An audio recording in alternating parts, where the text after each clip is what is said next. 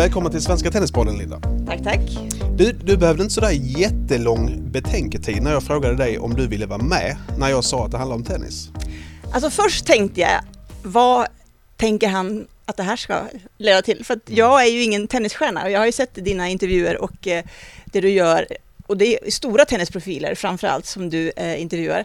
Men så tänker jag att det finns en annan del av tennis i Sverige och den representerar jag. Mm.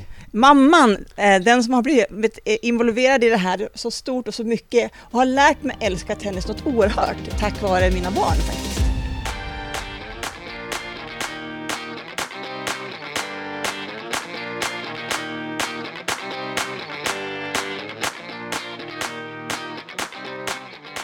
Den här podden ska ju handla om eh, tennis uteslutande, men vi kan ju inte låta bli att gå tillbaka lite i din karriär och vad du gör nu till exempel.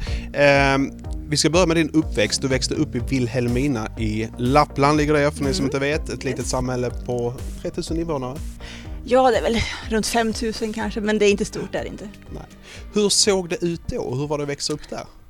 Nej, men jag älskar min uppväxt i Vilhelmina. Det var ju väldigt mycket friluftsliv. Jag hade bra vänner, föräldrar som älskade att vara med oss och eh, hitta på saker på helgerna och så. så skoter, skidåkning, eh, jakt och fiske. Älskar snö.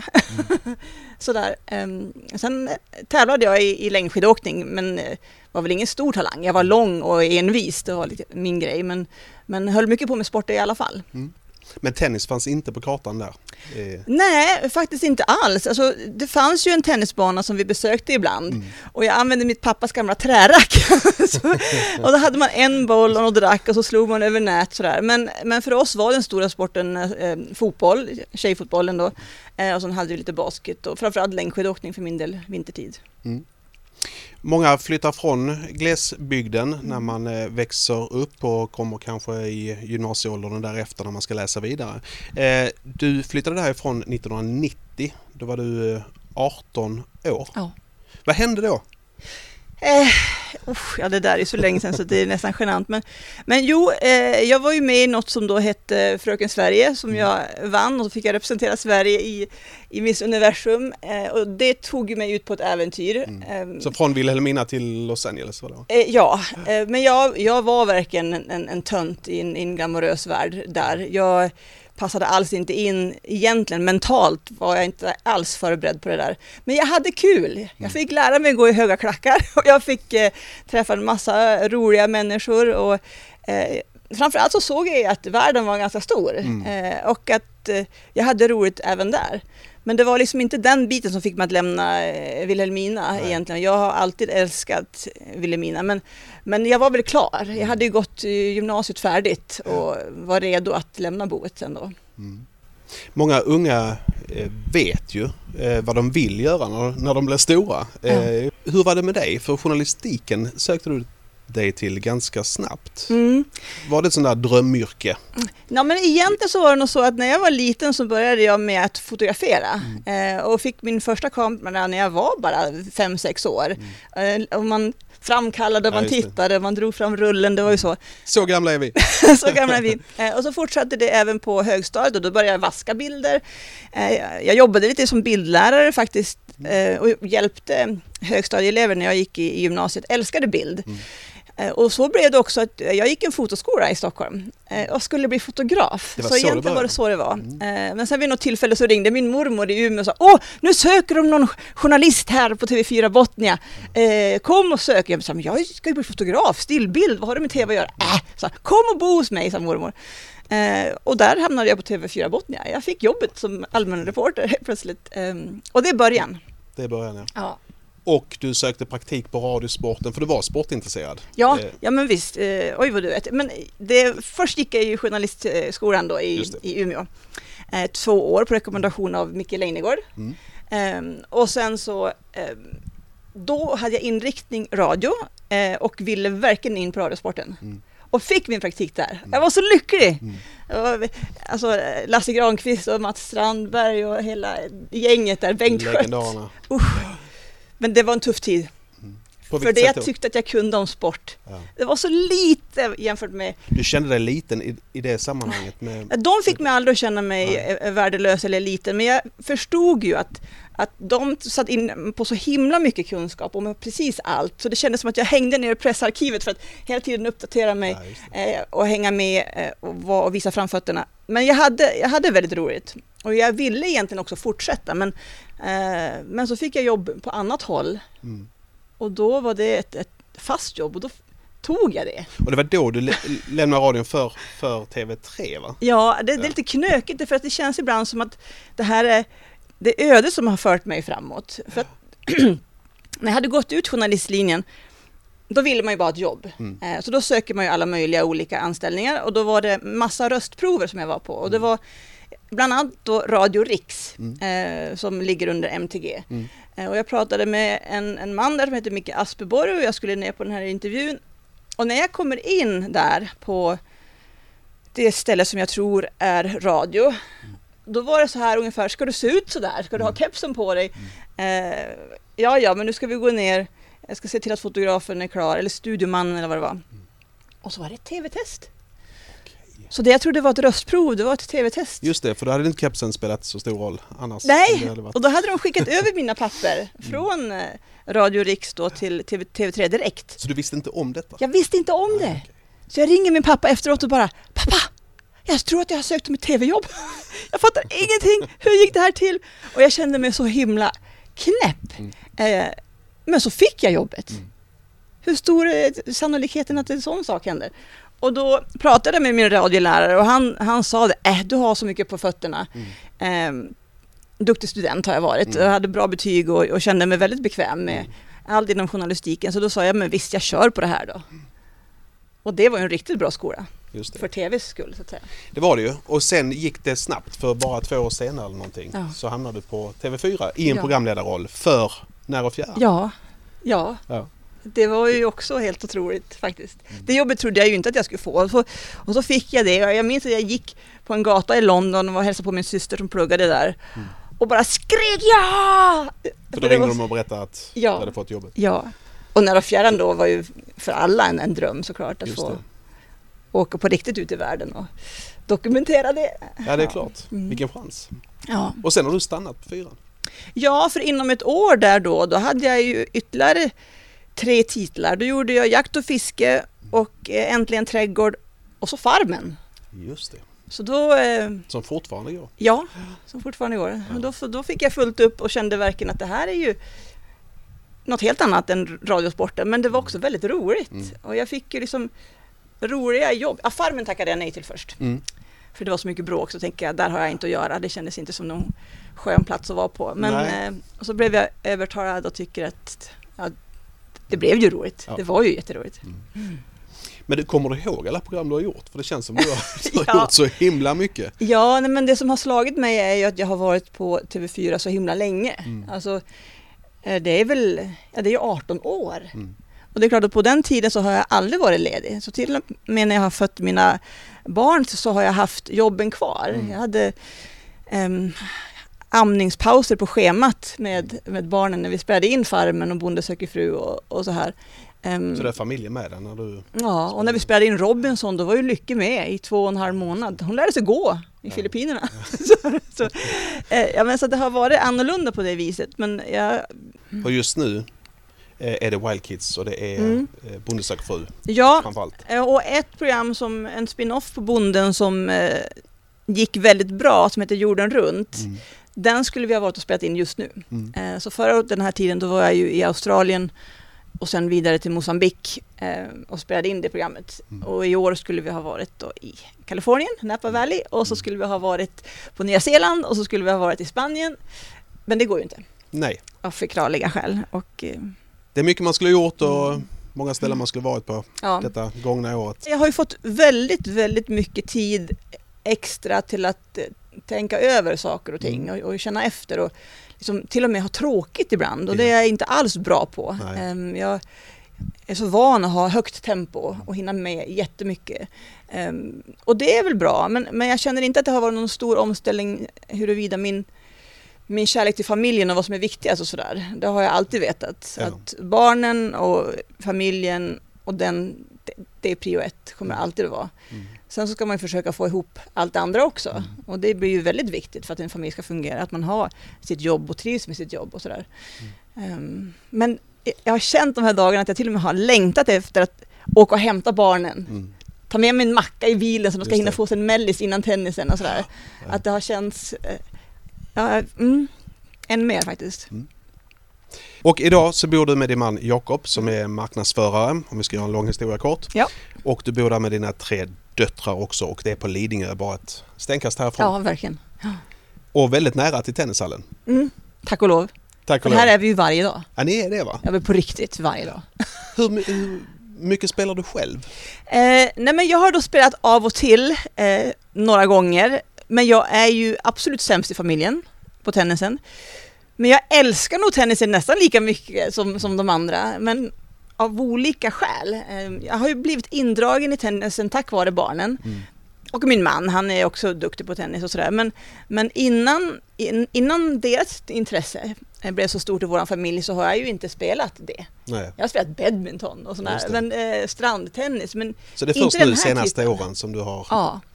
Och de första gångerna jag spelade tennis så var det så fruktansvärt frustrerande. För jag ser ju hur enkelt det ser ut. Mm. Alltså jag tänker, hur svårt kan det vara? Mm. Och spelar man badminton och strandtennis och allt det där, eh, för bollkänsla har jag, Mm. eh, då vet man ju att bollen ska ju bara över. Exakt. Eh, så. Och så kommer man till tennisen. Mm. Och så är det det här, åh, borsta bollen och det ska vara toppspin och det och det. Och Mm. helt plötsligt så är det inte så himla enkelt att få bollen härifrån i det hörnet. Nej, Den går i skynket ibland. Och den går, ibland går den till och med rakt upp. Men hur är du där liksom? eh, Ah, Är det frustrerande? När, när, liksom, Ja, när det blir lite svårare än vad man tror? Ja, och då när jag till exempel spelar med min yngsta Benedikte, eh, det är klart att om jag slår helt flacka slag, Ja. att jag kan vinna, Mm. att jag slår över bollen över nät. Mm. Det, där missar jag ju inte. Nej. Men när jag då ska liksom visa att jag ska smasha in den eller göra den här perfekta crossen, Mm. ja då kanske det inte alls sitter det jag har tänkt.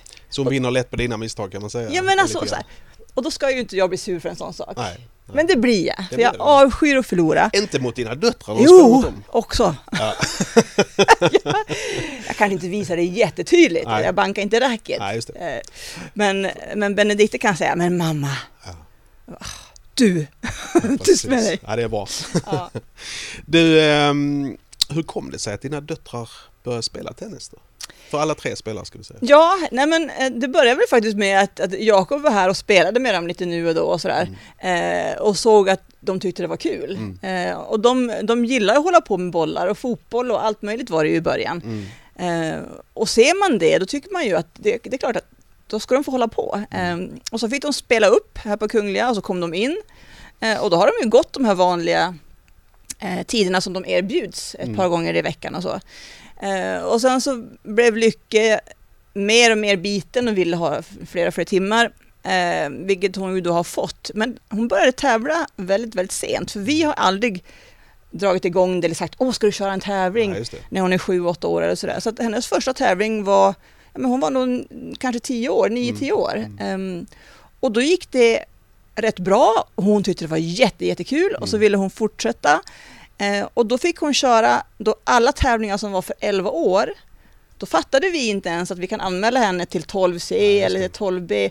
Så det blev fortfarande ganska få tävlingar. Mm. Ehm, och på ett sätt tror jag att det kanske har varit bra att det var hon själv som fick säga nu vill jag spela mer och nu vill jag ha tävlingar. Eh, därför att vi har aldrig pushat eller ens föreslagit det utan Nej. det har kommit från, från henne själv hela tiden. Och sen har ju de andra då följt efter i det här ledet. Men, men hon var den som själv bestämde. Och sen så gick det ju ganska fort till att hon verkligen ville spela mer. Mm. Eh, och nu spelar hon ju otroligt mycket. Men hon kände ju något år att det var så här att när hon spelade med jämnåriga, att de hade mer tävlingserfarenhet. Mm. Att, att hon var eh, oerfaren på att spela match helt enkelt. Duktig på tennis men oerfaren på match. Mm. Eh, så det har hon fått kämpa lite med. Eh, men, men, eh, nej, men nu går det ju väldigt bra. Hon älskar det ju mer än någonting annat.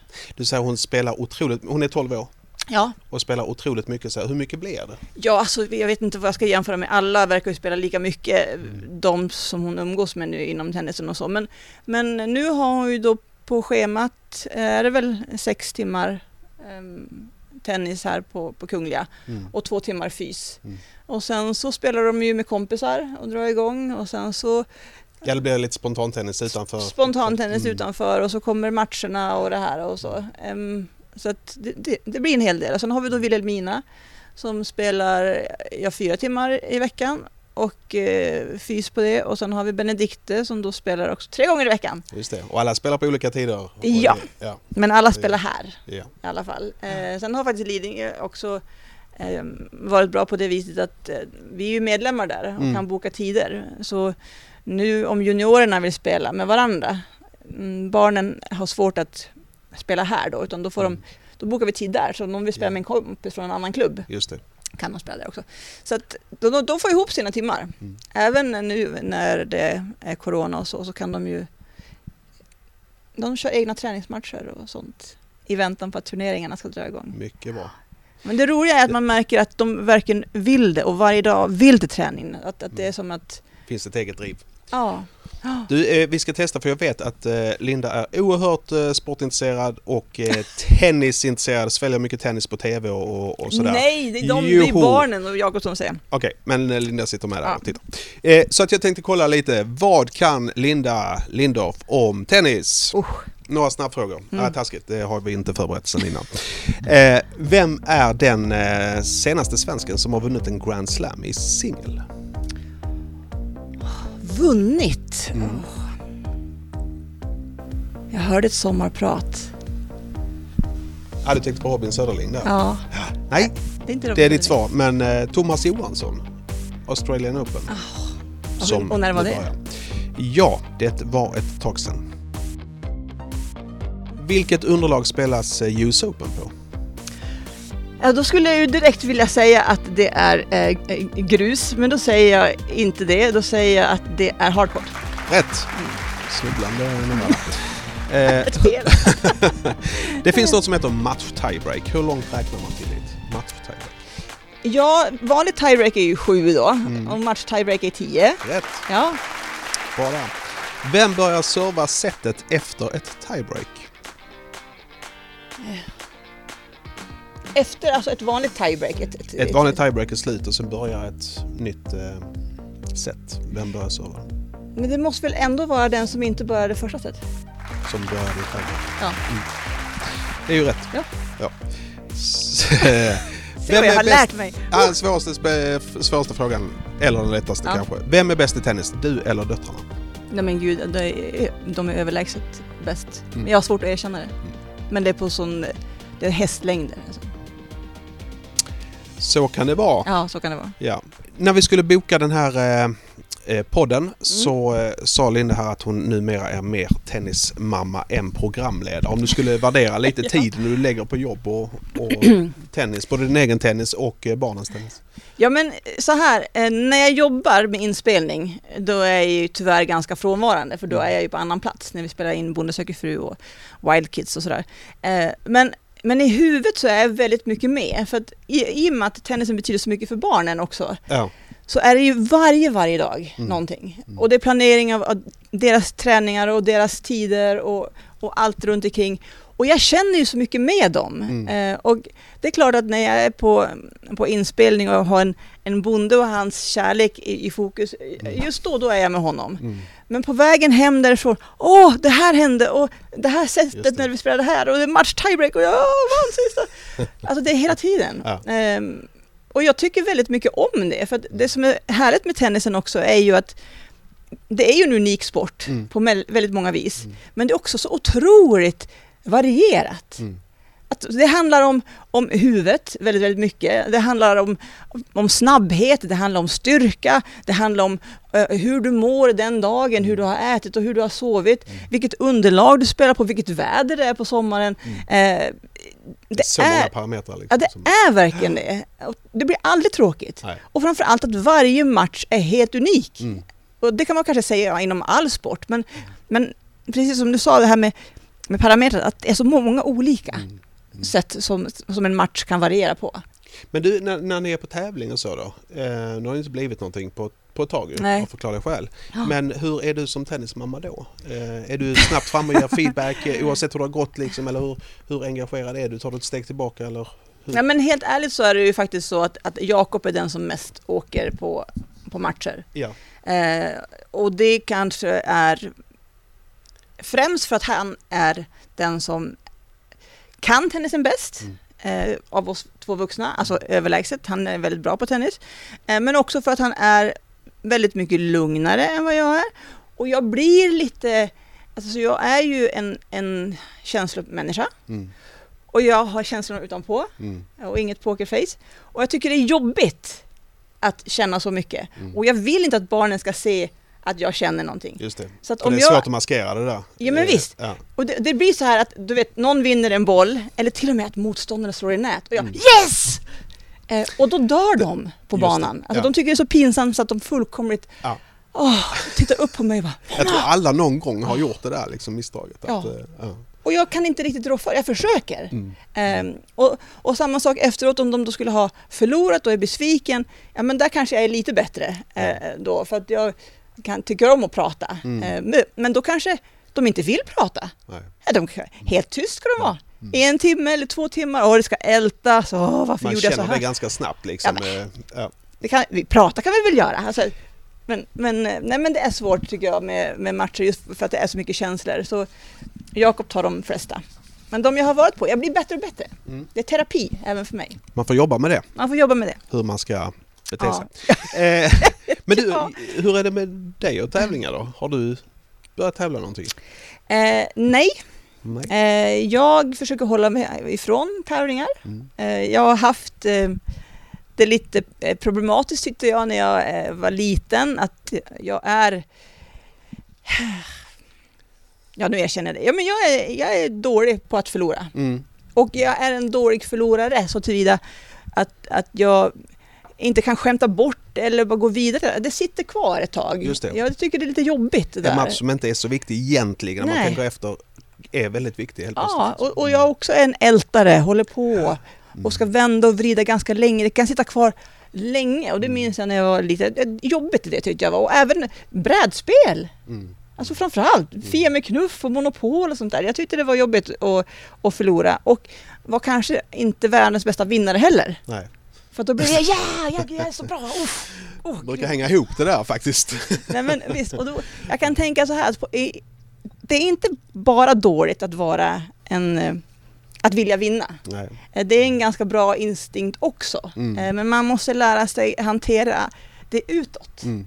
För inåt kan du hålla på och, och använda det kanske som en drivkraft och du kan till och med eh, ha nytta av att, att vara en vinnarskalle. Men, men sen får det inte påverka dig negativt i huvudet eller din omgivning. Utan du måste hitta en balans där. Mm. Och det har tagit mig många år Mm.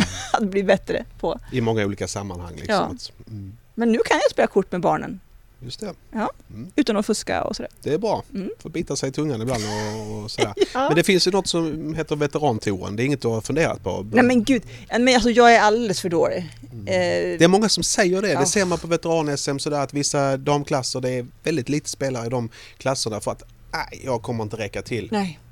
Nej, men man får testa. Ah, Testa sina gränser. Nej men visst, och det är klart att man ska ha sådana utmaningar Mm. även i, i min ålder. Men det jag kan känna är att jag skulle behöva ändra på mina benmuskler. För jag är en långdistansare och jag känner att jag är långsam. Jag ser bollen komma Mm. och så tänker jag, varför är jag inte redan där? Det. Varför, Nej. varför står jag här? Precis. när jag borde Ja, vara där? Ja. Och då gör jag de här älgkliven fram och så Försöker sträcka dig så Ja, du slipper... Och då ska jag Mm. vet jag att jag ska redan stå placerad där. Jag ska få den perfekta träffen. Men så är jag ändå här.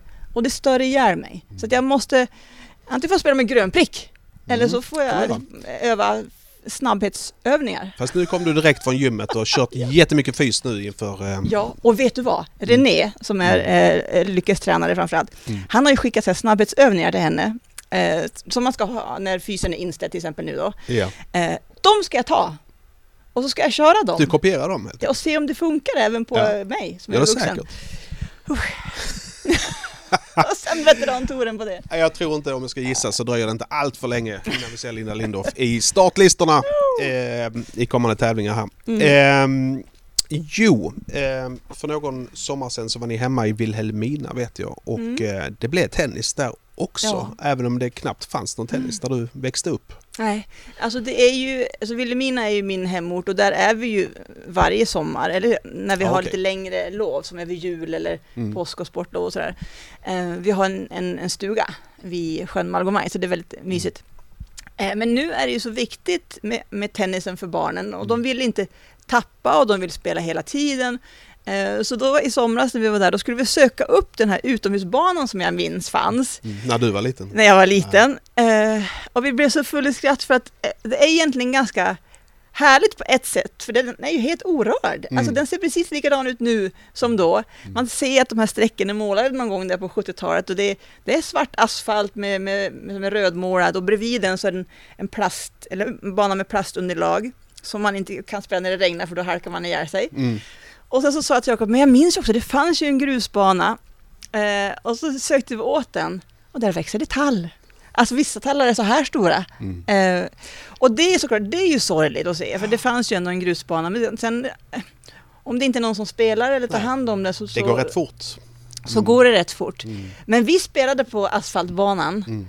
och jag, alltså Barnen älskade det. Mm. Och jag tyckte det var så coolt att det behöver inte vara den perfekta grusbanan i, i Stockholm eller södra Frankrike. Det behöver inte vara så glassigt. Det gick Nej. att spela där också. De hade lika roligt förmodligen. Lika roligt, om inte roligare. Alltså så här, det blev ju väldigt snabba bollar, det var ett snabbt underlag. Eh, så hittade de ett gammalt så här, gummidäck som de drog fram, eh, som låg där i ett hörn, eh, något skräp. Och så började de serva i däcket. Det vill säga, de skulle okej. serva och Ja. pricka precis i däcket. Och hittade på sådana grejer. Ehm, Och det gjorde de själva liksom. det gjorde de själva. Jätteroligt. Fantastiskt bra. Eh, och väldigt kul att se. Jag tror vi har en deltagare här med på vår kvarters tennis som kommer fortsätta eh, såklart. Så Dino och ni andra som håller på med det projektet har en, eh, en hjälpreda här i Linda som Yes. ska restaurera Jättegärna. tennisbanor. Ja. Då har vi varit i Norrland så att vi får se om vi kommer dit igen Ja, det borde ni. Alltså det hade varit så skoj. faktiskt. Eh, men när ni åker på semester så Mm. planerar ni alltid in tennis. Mm. Det är så. Mm. Ja, det blir så att eh, man försöker se, finns det någon så tennisbana Mm. i närheten eller nu har det ju varit mycket Sverige, Sverige på, Mm. på sommaren och Falsterbo, där- Jakob är från Falsterbo ja. Och där finns ju bra med både turneringar och med, med banor och sådär. Mm. Men även då när vi har varit på vift någonstans, om det är i Italien eller än längre bort, Mm. alltså Dubai eller så, så ja, men här finns en, en, en, en hardcore-bana och här finns det. Mm. Och eh, så spelas det Mm. lite nu och då. Och jag tycker det är också kul för att precis som när man åker på skidsemester, Mm. eh, om man kan det på till exempel ett sportlov eller sådär, att det, hela familjen är med. Ja. Alltså det är någonting väldigt härligt med att ha en sport och, eller en hobby som hela familjen tycker om och Mm. kan hålla på med. Mm. Till och med när vi spelade in i, i Järvsö, du vet, med Wild Kids. Ja, men i Ljusdal finns det en bana. Ja. Så åkte ja. vi till Ljusdal och så spelade vi där vid, vid älven. Ja, men, Så det hänger hela tiden med dig på något sätt. Ja. Så. Och då spelar jag ju gärna, då tycker jag det är kul. Mm. Och sen åker barnen på tennisläger Mm. och Ja, inte så ofta har de gjort det, men, men, eh, men någon gång har det varit att de har varit iväg då på läger. Och, Mm. nej men alltså det är ju häftigt så länge de tycker det är kul. Mm. Och vi, det, är svårt för dem att få till allt om inte de har vuxna i sin närhet som kan hjälpa till. Alltså så här, det, med, med logistiken och sånt, för Ja. de vill ju hela, hela tiden. Eh, och då får ju vi se till att, ja men okej, den här turneringen, vad kan vi göra Mm. där då? Var ska Mm. vi bo där? Det finns en, en camping där, eller vad ska vi göra? Eh, och samma sak med skolan, hur de ska hinna med alla, alla timmarna och alla träningar och matcher och sånt, att man får Mm. ställa upp och köra. Och det påverkar ju såklart familjen väldigt mycket, för att Mm. ja men på julen, ja då är det salk. Det Ja. kan vi inte vara lika länge i Lappland som vi brukar. Nej. Påsken, då är det SM i Göteborg. Mm. Kan vi inte alls köra skoter hela veckan uppe i, i Lappland inte. Ja, Det gäller att alla köper konceptet och Ja. tycker det är roligt. Ja. Och, och det, ibland har jag känt så här, men gud ska vi, åh, va? Nu, nu ska vi ha hela veckan här. Nej, Lycka säger, jag vill åka ner. Okej, då åker vi ner. Och så. Men, men eh, jag älskar det samtidigt, för det finns inget bättre än en, en stor passion eller till stor engagemang till någonting. Och det Mm. tycker jag att man märker runt omkring här också, att att alla vuxna som finns är ju så viktiga i, i barnens närhet. Alltså, Mm. Tränare, sådana, sådana som du, sådana som René, Aftab, John, eh, Jocke på Kungliga, att, att de ser och hjälper till. Mm. De tar inte över, de styr inte, men de ser när drivet finns och Ja. de ser hur de ska kunna gui- guida var och en. Eh, Läsa av ganska snabbt. läsa och så. av Mm. och att det blir mer individuellt. Bara det att de har så här träningsdagbok tycker jag är så häftigt. Mm. För att eh, då skriver Lycke den och fyller i eh, och så är ner och läser och så följer de upp på träningarna. Eh, och det är ju urcoolt Mm. att, att det engagemanget finns, att man inte bara gör lika för alla. Nej. Att alla har inte samma träning, för det går inte i tennis. Det går inte. Så man ser individen och... Man och ser så- individen Mm. och, och följer upp träningen därefter. Mm. Eh, är spelaren mer offensiv eller mer defensiv? Är det nätspelare? Är det, eh, hur, hur funkar hennes huvud? Eller, Mm. Hur drar vi mest nytta av ja, just dina ja. egenskaper i tennis? precis Mm. så. Och det, det gör mig nästan rörd ibland. Så jag Ja. tycker det är så otroligt häftigt att se det. Att, att de inte bara gör sitt jobb, utan att de lägger ner tid och kraft och energi på att det ska bli individuellt. Mm. Urhäftigt. Bra. Är det så även på dina vuxenträningar? Och... Ja, alltså då har jag ju tränat med några olika. Mm. Eh, sådär. Eh, och det jag egentligen vill är att den personen ska göra så att jag svettas Mm. och har med mig någonting i huvudet till nästa gång. Ja. Ehm, för jag, jag vet väl ungefär hur det ska se ut. Mm. Och jag vet, sen behöver jag ju nöta. Det är det är ju så. Det är ofta så. Det är ofta så. Eh, och det kan jag ju egentligen göra med mina barn och med min man och sådär. Så att, eh, jag ska skärpa till mig, jag ska, bli, jag ska spela ännu mer. Bra! Det är ett nyårslöfte. Ja, för nästan Ett alla jag känner spelar ju bara paddel. Just det. Ja, jag älskar tennisen. Jag tycker den är så snygg och den är så otroligt häftig och varierad. Du är en fantastisk ambassadör för den här eh, sporten måste jag säga. Eh, du, kom, du kommer ju nästan alltid in i de intervjuer jag har läst och hunnit Ja. läsa nu innan vi träffades Mm. här så kommer du in på tennis även i de intervjuerna som egentligen ska Ja. bara handla om dig. Ja, men alltså, jag tycker att det är en, en spännande värld, tennisvärlden. Eh, och jag tycker att det är kul att Sverige tar sporten på stort allvar och att man märker att man ger juniorerna och ungdomarna så mycket tid. Mm. För det är ju viktigt. Det är klart att det är kul för oss vuxna att spela tennis och eh, hitta på, men, men det här med att hitta eh, det individuella hos var och en Mm. eh, och bygga på det och se vart det leder. Mm. Utan pressen, utan bara så här, ha kul så länge, så ser vi vart vi landar. Precis, och så Ja. får man så mycket på köpet också för det är Mm. lite en uppfostranssak. Eh, Även om inte det är en tennistränars eh, uppgift så blir det ändå lite sådär hur ska man uppföra sig? Ja. Det är mycket fair play och det är mycket hur, Ja. hur man ska uppföra sig Mm. utanför banan också. Ja, det Som man tar också faktiskt. Att jag, Mm. tror att, jag tror att barnen blir bättre personer. Mm. Eh, sen är det ju en ganska ensam sport på ett sätt i och med att jag menar, spelar du fotboll eller handboll har du hela laget med dig. Mm. En, ett nederlag kan man prata om i grupp, eh, en vinst kan man dela. Eh, och det blir ju ganska tufft när man har kört då en turnering och så hamnar man där i det här match-tiebreaket. Mm, mm. Eh, och, och det är lika hela vägen och så kommer man till slutet. Vinna eller förlora, det handlar om en eller två bollar över nät som kan vara helt då avgörande. Mm. Det är ju tufft alltså. Då står du Eh, ganska ensam. då och- står du ganska ensam, den här sista serven, den här sista... Eh, och jag har ju absolut sett mina barn i, i tårar. Jag har också sett dem vara så överlyckliga över att den där bollen precis den satt. Ja. Och de kom hem med den här pokalen som är så här stor. Mm. Eh, men, men att, att vara med där som vuxen blir väldigt viktigt, även om de ska hantera alla känslorna själva. Mm. Det förstår man att de behöver göra. Och älta färdigt och, och reda ut och så i sin skalle. Men Mm. till exempel både Lycka och Minna har jag sett många gånger efter de har förlorat Mm. en, en, en match.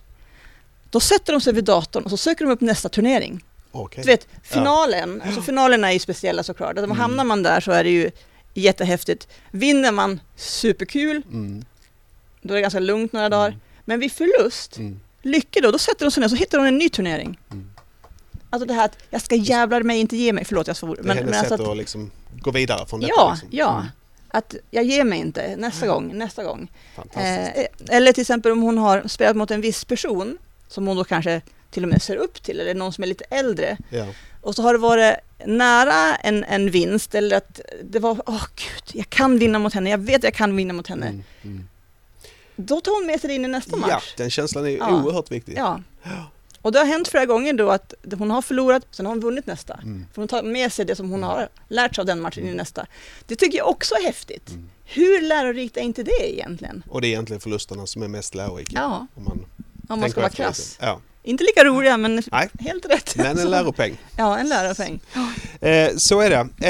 Eh, Australian Open börjar ju snart. Vi Ja. pratade om det lite innan vi Mm. eh, satte igång den här inspelningen.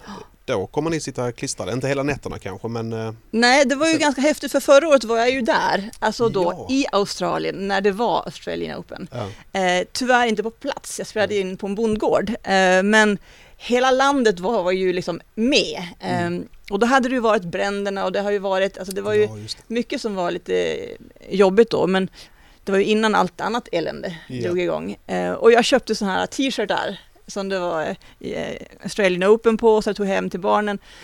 Eh, och då, då såg de ju några matcher och sådär, Mm. inte långt från alla. Men nu har vi taggat ännu mer, så nu ska vi så här, vad äter man i Australien? Hmm, ska laga någon mat. Ah, ni kör matcher- temat, ni går all in Ja, på. Australian Open-temat, nu, nu kör vi. Men jag har sagt inte nätter. Nej. Nej, för då det är skola och grejer, så då får vi, Ni får titta kapp lite på dagarna. ja. Du, jag tänkte på det, bara för att knyta ihop säcken lite Mm. grann. Hur vanligt är det att bönder eh, spelar tennis? ja. Eh, jo, faktiskt. Vi, eh, vi hade en tjej i södra Spanien nu som skulle vara med i jorden runt-satsningen, Ja. eh, eller eh, inspelningen. Och då spelade hon och jag tennis i södra Spanien. Mm. Det var typ 40 grader varmt, eh, helt galet. Eh, men hon är nog den enda. Ja. Därför att de har fullt upp med annat. Ja. Deras dagar består av eh, traktor och plöjning och kossor och eh, allt annat. Finns inte tid. Det finns faktiskt Däremot inte har de tid. jättemycket plats, ofta. Mycket marker och sådär man skulle kunna omsätta i tennisbanor. kanske. Du tänker Du så. får eh, sätta din prägel där lite. Ja, jag ska lobba för det. Finns det andra omgång. programidéer förresten? Eh, tennisspelare söker eh, dubbelpartner? Vad det nu Dubbelpartner? kan vara för någonting. Den är jätterolig. Det, Vi får ja, jobba på det. den. Ja. För jag menar, kärleken har de inte så mycket problem med va? De hittar väl, Det vet inte jag. Men eh, nej. nej, de reser mycket, det de är som mycket. spelar Ja, du menar på den på nivån? den nivån. Ja. ja, just det. Där, De har nog inga problem med kärleken. nej, de har nog kanske inte det. Finns nog, ja. Jag vet inte, vi får fortsätta prata om det efter programmet. För jag tänkte att det är slut nu och tack så Mm. hemskt mycket för att du ställer upp i Svenska Tennisbollen. Ja, nej, men tack själv. Det var jätte, jätteroligt att eh, prata med dig. Kör hårt på banan. Ja. Tack, tack. Tack! Veteran-Tore nästa. Yay! Ja, där kom den!